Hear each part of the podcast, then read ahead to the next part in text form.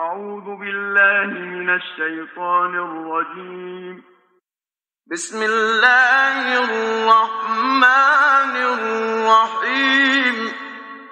وكان بالمؤمنين رحيما. وكان بالمؤمنين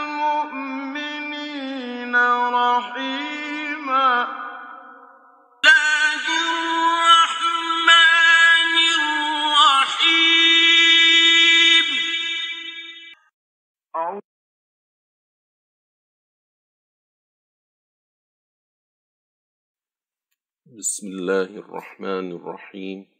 الحمد لله رب العالمين. وأفضل الصلاة وأتم التسليم على سيدنا محمد وعلى آله وصحبه الطيبين الطاهرين. اللهم لا سهل إلا ما جعلته سهلا. وأنت تجعل الحزن إذا شئت سهلا. سبحانك لا علم لنا إلا ما علمتنا إنك أنت العليم الحكيم. اللهم علمنا ما ينفعنا وانفعنا بما علمتنا وزدنا علما. I start with the name of Allah. I praise Him and thank Him for all the blessings that He endowed upon us without Allah being obligated to give anything. I ask Allah to raise the rank of Prophet Muhammad, the final and the choicest Prophet, and to protect his Muslim followers from whatever he feared for them. I ask Allah subhanahu wa ta'ala أن يرزقنا to grant us the pure intentions. This is lesson 5. In the previous lesson, we mentioned that the Christian Abraha from Al Yemen came to destroy the Kaaba. However, Allah Jalla wa destroyed the invading army. That year was called the year of the elephant, referring to the head elephant that refused to move in the direction of the Kaaba. The Kaaba was spared as per Surah Al-Fil, page 32 in the book The Glorious Life of Muhammad, the Final Prophet. Moreover, we said that the Arab idolaters, the idol worshippers, whistled and clapped while circling the Kaaba naked, claiming that they sinned while wearing those clothes, so they took them off so that they worship Allah according to them, eh, naked without those uh, clothes. So they clapped and whistled while circling Al Kaaba, making tawaf. Of course, such thing is contrary, was contrary to the call of Prophet Ibrahim to perform Hajj while worshipping Allah only without partners. Inshallah, today we'll continue on page 33. The authors, may Allah have mercy on them, said Prophet Muhammad sallallahu alayhi wasallam was orphaned as an infant. Some scholars say that the Prophet was two months old when his father died, and others say that Amina was still pregnant with the Prophet when her husband Abdullah died.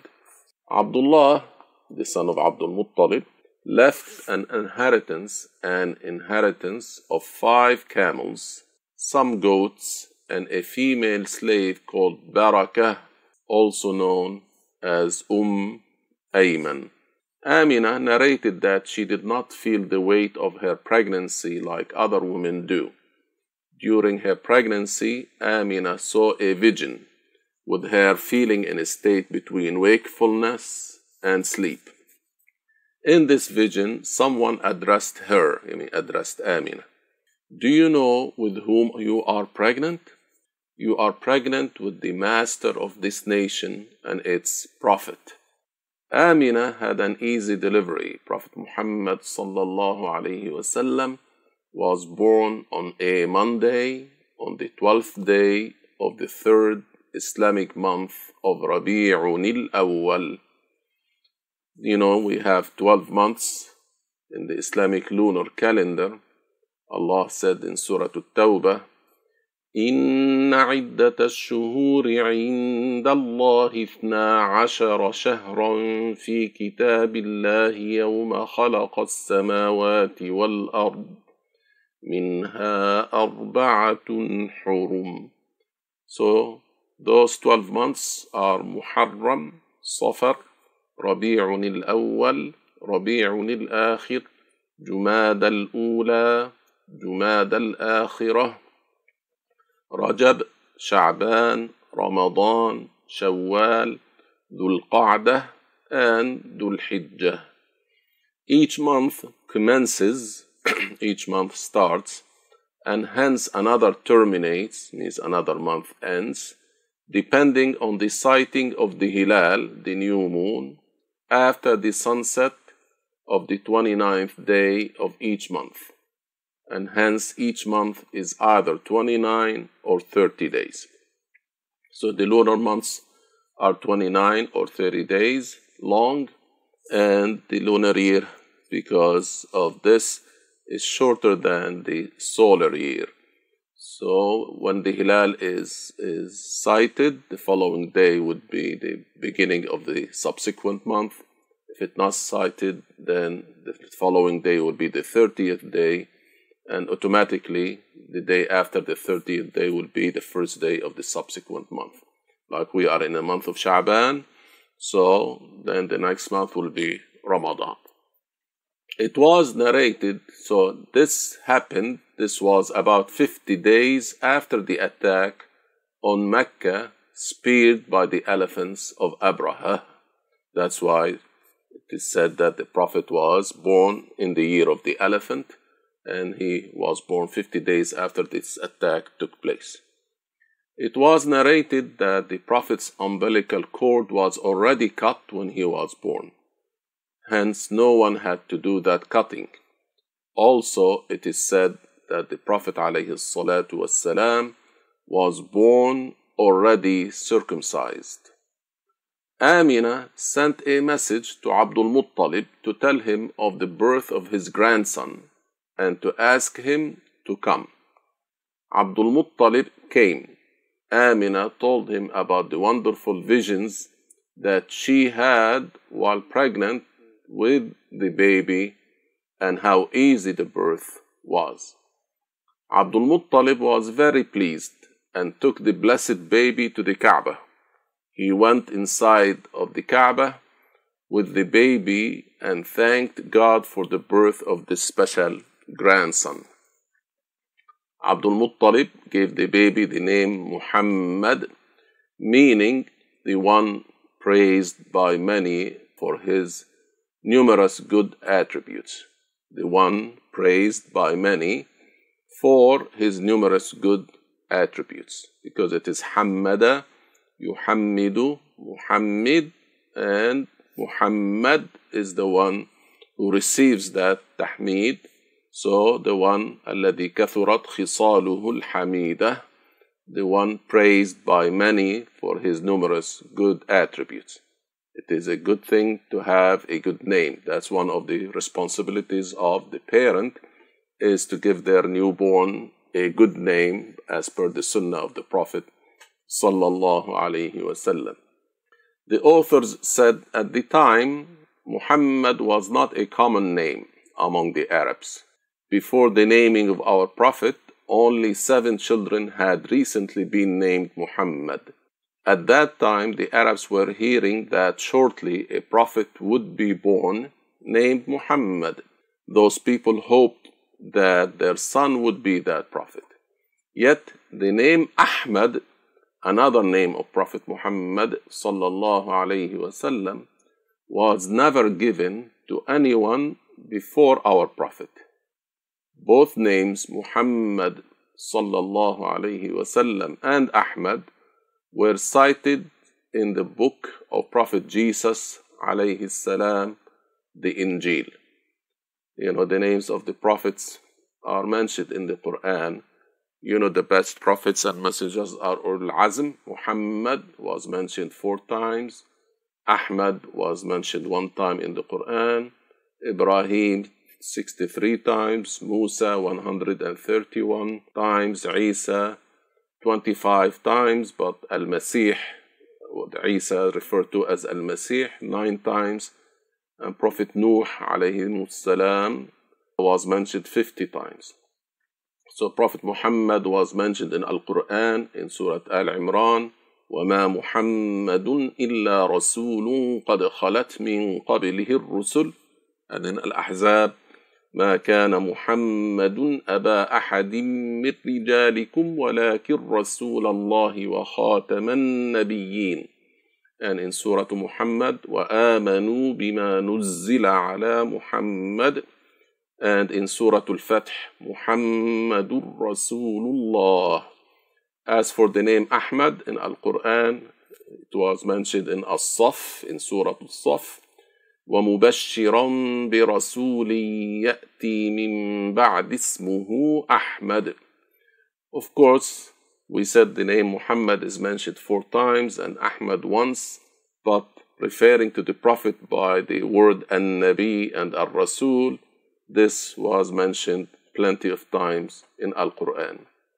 And you could see that many prophets were mentioned more than Prophet Muhammad sallallahu alaihi wasallam was mentioned in Al Quran. Had Muhammad been a liar or impostor, he would have made in the book that he claimed he received, would have made his name mentioned many, many times because the impostors like to glorify themselves and advertise for themselves, always talking about themselves. But Muhammad alayhi was not mentioned as many as all the other many other prophets in Al Quran.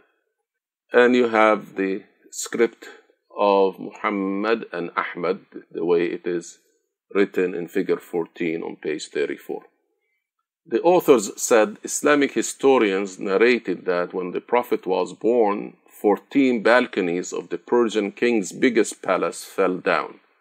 Also, the fire that the Persians worshipped went out, even though it had not gone out for 1,000 years.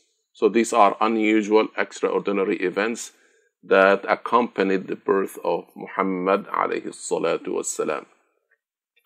The Persian king, whose official name would be Kisra, saw a dream about which he felt very uncomfortable. He gathered his advisers and consulted with them about, this, about his dream. He told them that in his dream he saw camels guiding horses. These animals crossed the Tigris River, and from there they spread throughout. His kingdom is the kingdom of this Persian king.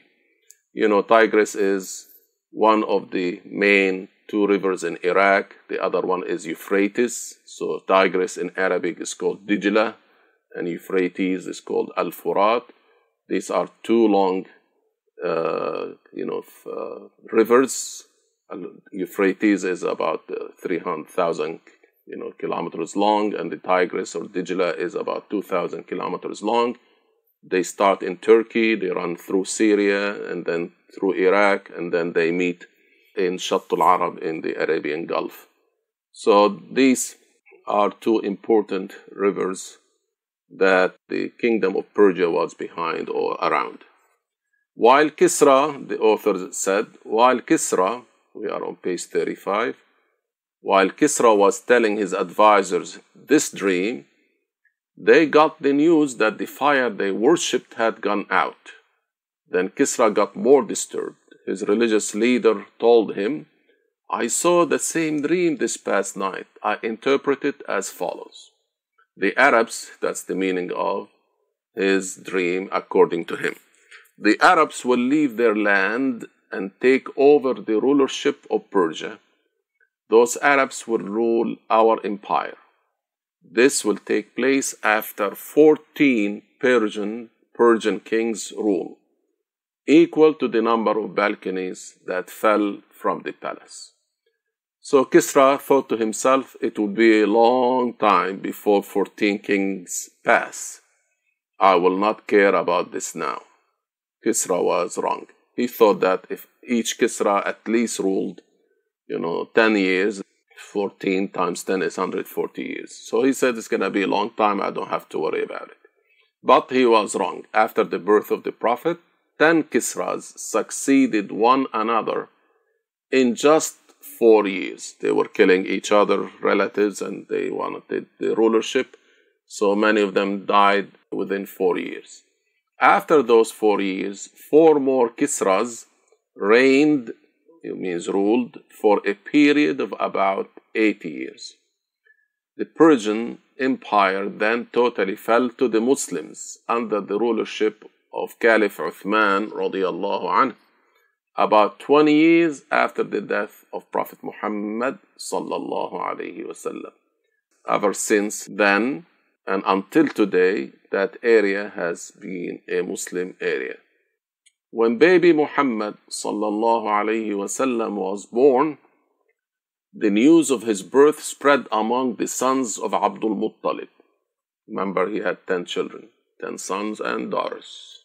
So the sons of Abdul Muttalib knew about it, that they had a new nephew. One of the sons of Abdul Muttalib was known by the name of Abu Lahab. Abu Lahab received the news of his new nephew from a slave woman he owned named Thuwaybah. And Abu Lahab was so happy, he set the slave woman Thuwaybah free that Monday. Remember, the Prophet was born on Monday. So when Abu Lahab received that he had a new nephew, he was so happy.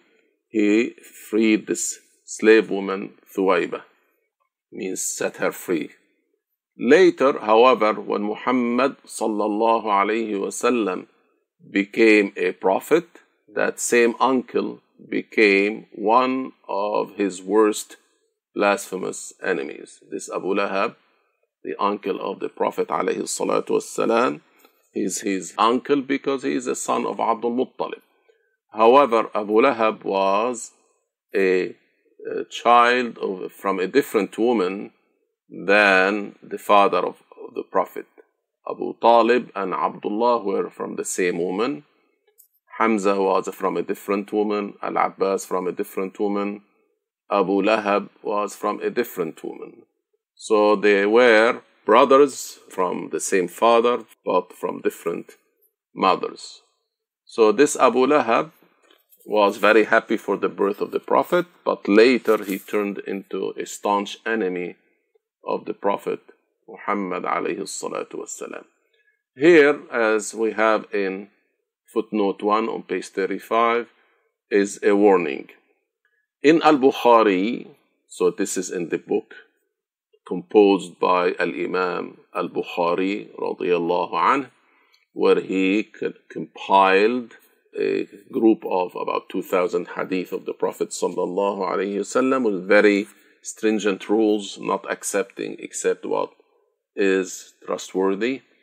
He, it is narrated that Al-Abbas, who is the uncle of the Prophet, saw in the dream that his brother Abu Lahab told him that he was in hellfire, where we know that the surah تبت يدا أبي لهب وتب ما أغنى عنه ماله وما كسب سيصلى نارا ذات لهب وامرأته حمالة الحطب في جيدها حبل من مسد So in this surah, we know that Allah told us that Abu Lahab, as well as his wife, will be in hellfire, meaning that they will die as non believers, as blasphemers. So, in this book of Al Bukhari, it is narrated that the uncle of the Prophet, Al Abbas, anh, saw in his dream that his brother Abu Lahab, so his brother from a different mother, told him that he was in hellfire and the torture was reduced for him every Monday because he had set Thuwayba free when she gave him the good news of the birth of Muhammad sallallahu alaihi wasallam. So we need to set this narration uh, clear, straight, interpret it properly, because some people misinterpret that. Because remember, Abu Lahab died as a kafir, and he went, he will go into hellfire, and there are religious texts, verses, and ayah and, and uh, hadith about the fate of those who die in blasphemy. So first, you should know that this is a dream. So the narration says Al-Abbas saw a dream. Hence, it cannot be used as a basis for rules. So we do not rely on dreams to say something is halal or haram or obligatory or sunnah and so on. This is not the basis. We use Al Quran, we use Al Sunnah, and we use Al Ijma' and in cases Al Qiyas, Al Ijtihad for finding rules. Using this narration in Al Bukhari as if it is a fact contradicts the verses in the Quran in Surah Al Baqarah 162 and in Al Imran 88 and in Fatir 36. So in Al Baqarah, for example, and Al Imran, Allah said, خالدين فيها لا يخفف عنهم العذاب ولا هم ينظرون and in Fatir والذين كفروا لهم نار جهنم لا يقضى عليهم فيموتوا ولا يخفف عنهم لا يقضى عليهم فيموتوا ولا يخفف عنهم من عذابها. So all these ayahs and others state explicitly that the torture in hellfire is never reduced for the blasphemers. Lastly, the degree of authenticity of this narration is not strong enough to qualify as a proof for a ruling. So it's a dream, it contradicts the verses of the Quran that the torture of the blasphemers is never reduced for them. And lastly, the degree of the authenticity of this narration is not strong to rely on it to, to deduce a ruling from it. So that's why we don't accept this ruling. And remember, uh, Abu Lahab, although he was happy at the birth of Prophet Muhammad, he turned into an enemy for Prophet Muhammad sallallahu alaihi wasallam. We finished chapter 2, now chapter 3, the nursing of Prophet Muhammad sallallahu alaihi wasallam. Amina nursed her son Muhammad sallallahu alaihi wasallam for a short time. Also, you know, Thuwayba, the woman that was set free by Abu Lahab, nursed him after his mother. She had also nursed Hamza, who was older than the Prophet sallallahu alaihi wasallam. Then another woman nursed him. Her name was Halima.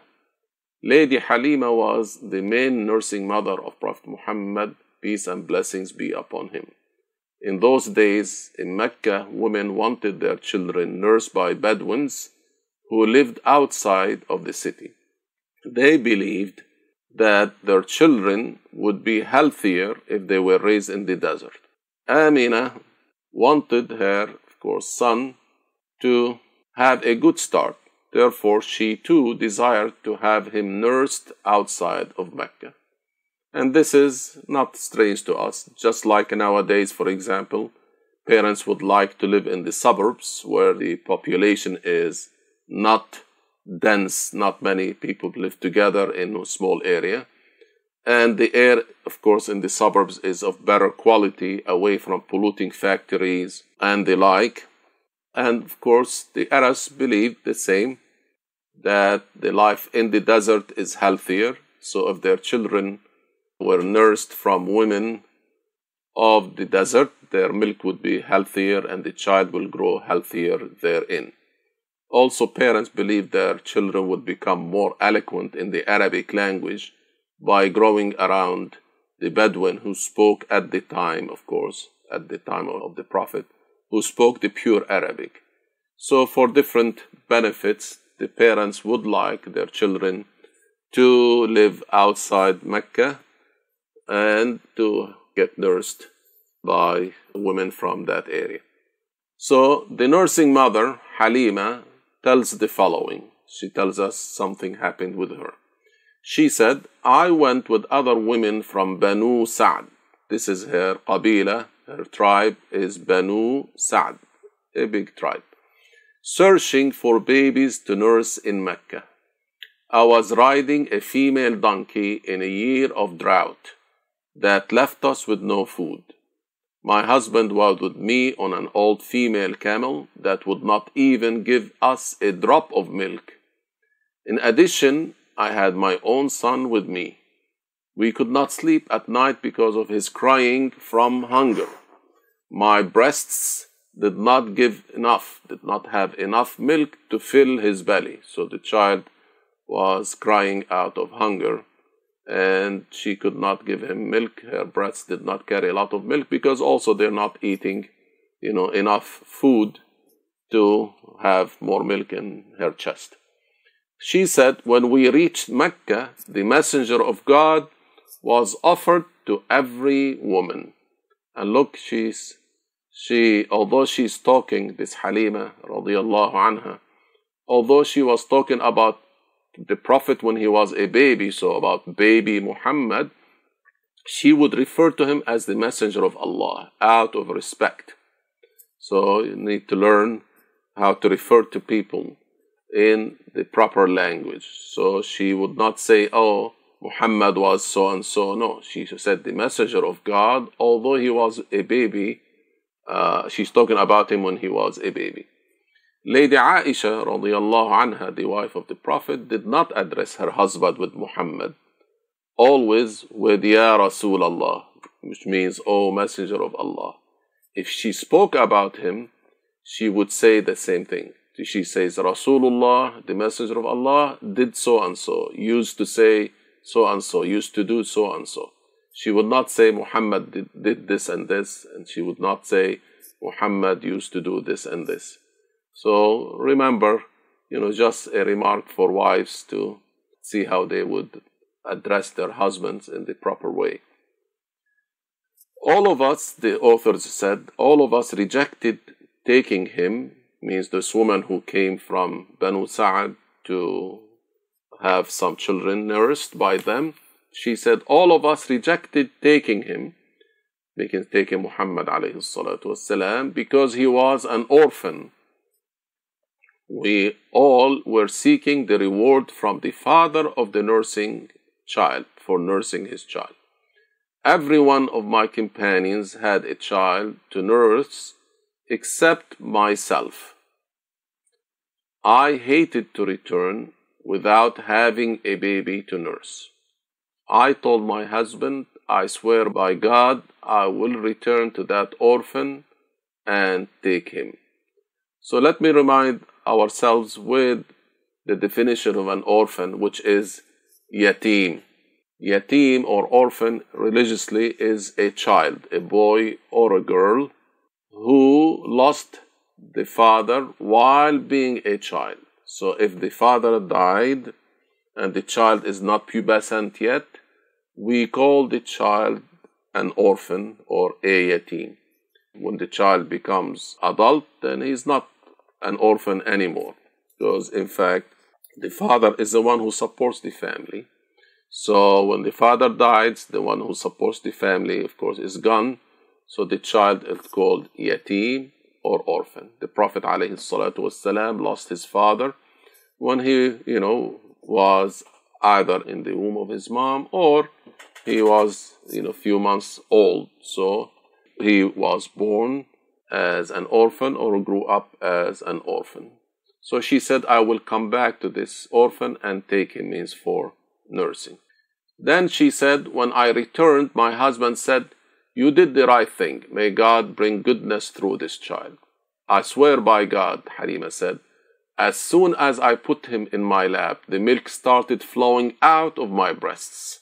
Muhammad sallallahu alayhi wasallam and my son nursed until they were satisfied. My husband went to our old female camel and found its udders full of milk. So we milked as much as we wanted, and my husband and I drank until we were satisfied, means they were full. That night we all slept with our stomachs full and our thirst quenched. Means they were no more hungry, they were no more thirsty. My husband said to me, O Halima, I swear by God, I see that you have brought a blessed human. Our children have slept. So he was referring to Prophet Muhammad being a blessed human. We went out of Mecca. I swear by God, my female donkey ran ahead of the caravan, and my companions said, surprised, Isn't this your female donkey that you rode to Mecca? I said, Yes. I swear by God that it continued to be ahead of them until we reached our camps, mean the camps of Banu Sa'd, where the tribe usually have camped. And you have in figure 15 a camel caravan, it means a line of, of camels that travel together. The author said, means Halima said now, we came to the most barren land, means we came to our campsite and it is the most barren land, means a land that does not carry any vegetation. You cannot plant, plant anything in it. I swear by the one who controls my soul. So she says, I swear by Allah. Because Allah controls our soul. He is the one who created our bodies and our souls. So I swear by the one who controls my soul. My lambs, the sheep, would go out in the morning with other people's lambs. And in the afternoon, mine, my sheep or my lamb, would come back with full stomachs and others. So the stomachs are full and the others have are full of milk. While theirs, means her friends or the other people's lambs, while theirs would return hungry and without milk. Then we would drink whatever we desired of the milk, and no one around would even have a drop of milk from his or her animals the people would ask their shepherds, Why don't you graze your sheep where Halima does? So they would graze their animals wherever we grazed ours. Despite that, their animals would return hungry without milk, and ours would return full of food and milk. At the age of one, Muhammad wasallam was already a strong boy. We went to his mother, and I told her, we should keep him lest means for fear of. We should keep him lest he would be inflicted with disease in Mecca. I didn't want to give him up to his mother because of the blessings that we witnessed from him. We kept on talking with his mother until we convinced her to leave him with us.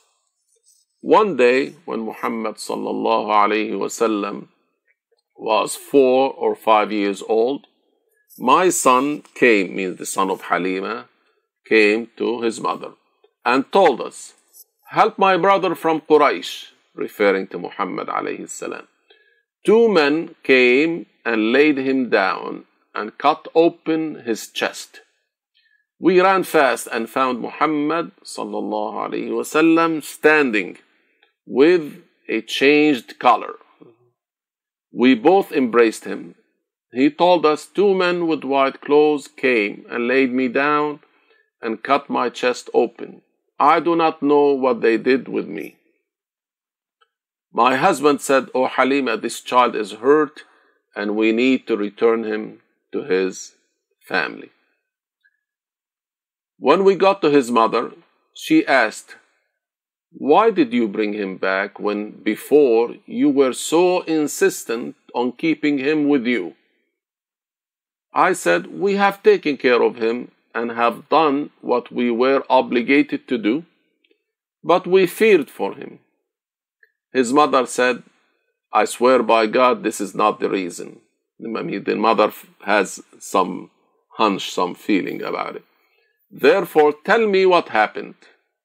So tell me really, why did you bring him back, although before you had insisted to keep him? There is a reason other than what you're telling me. Of course, Halima wasn't lying about it. She did care of the Prophet wasallam, and she feared for him. That's correct. When we told her what happened, what had happened, she said, Oh, you were worried about him? I swear by God, my son will have a great rank. Let me tell you about him. When I carried him, nothing was lighter or more blessed than he was. When I was pregnant with him, I saw a dream that a strong light came out of my body. This light was so strong that it lit up the palaces in Busra, uh, which is a city in Asham area. When I delivered him, he did not come out as other babies do. He fell with his hand on the ground, raising his head to the sky. Leave him with me and go back to your business.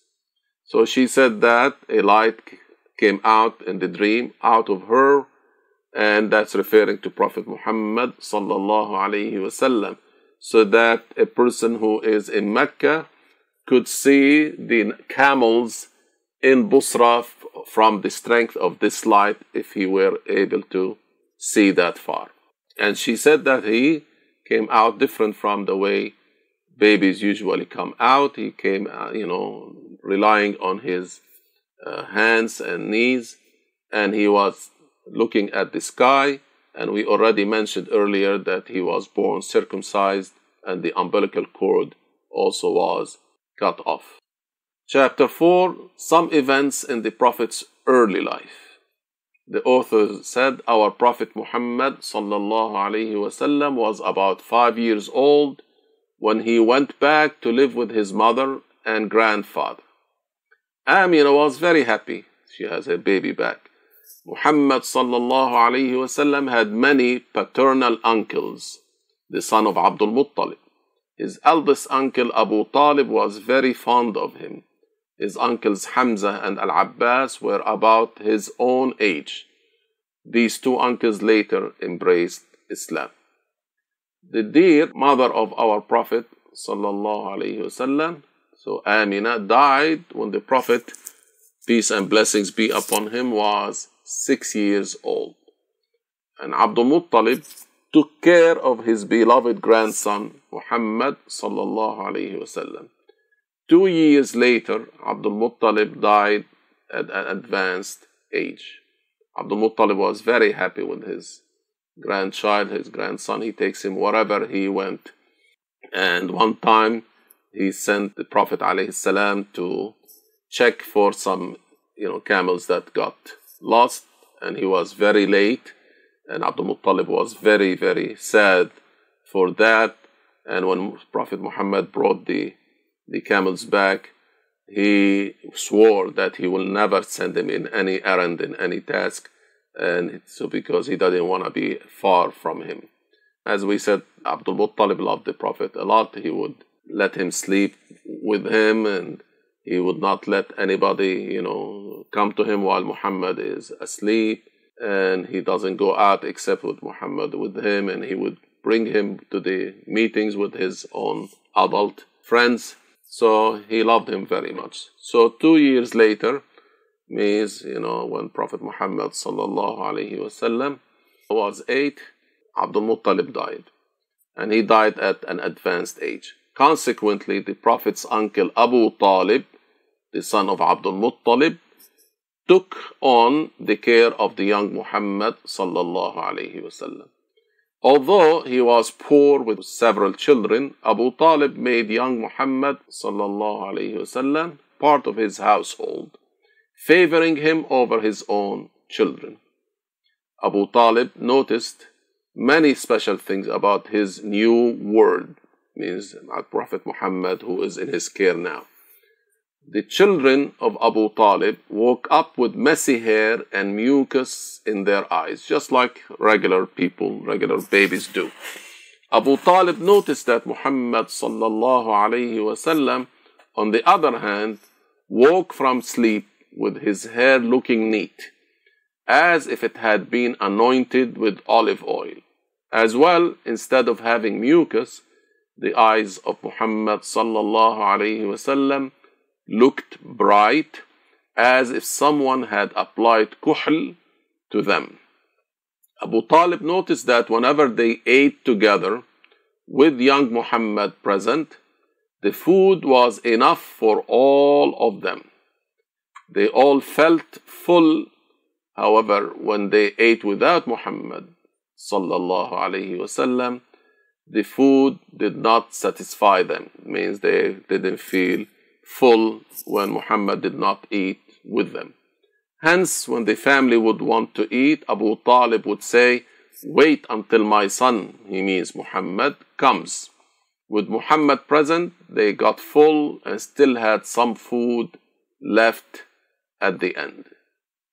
Abu Talib used to give the cup of milk to Muhammad first because he noticed when Muhammad sallallahu alayhi wasallam was the first to drink, the milk would be enough for everyone.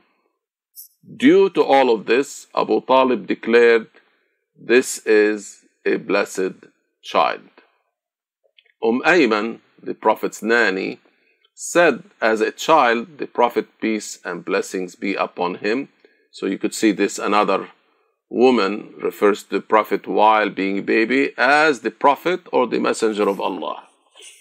She said, as a child, the Prophet, peace and blessings be upon him, never said that he was hungry or thirsty like the other children do. You know, your, your child, those who have children would know that the children get hungry and they, you know, tell you that they cry, they complain, they, you know, they cannot sleep unless they ate. So it is normal, but the Prophet was different from the normal children. He used to wake up and go drink from the well of Zamzam. After that, when we offered him food, he would say, I am full. I remember Zamzam, in figure 3, page 16, it was about 21 meters from the Kaaba. So that would be like 21 adult steps if Prophet Muhammad was, when he was a baby. If you want to consider that two steps, two baby steps would be one adult step. So he has to like go through 40 baby steps to go to the well of Zamzam and drink from it. So once he wakes up, drinks from the well of Zamzam, he would not eat even if offered food because he would say, I am full. Inshallah, we'll stop here today and next time, inshallah, we'll continue more of the life of the Prophet Muhammad sallallahu alaihi wasallam. This having food blessed is not the first, I mean, it's not the only incident that uh, Prophet Muhammad, you know, had a hand with it. Means, of course, we said with Halima, the, she felt that the presence of the Prophet was the reason for having more food at the table. Abu Talib, you know, did that. And later in the life of the Prophet والسلام, many incidents took place. Inshallah, I'll bring up one of these incidents at the beginning of our next class. لا إله إلا الله اللهم صل على سيدنا محمد وعلى آله وصحبه وسلم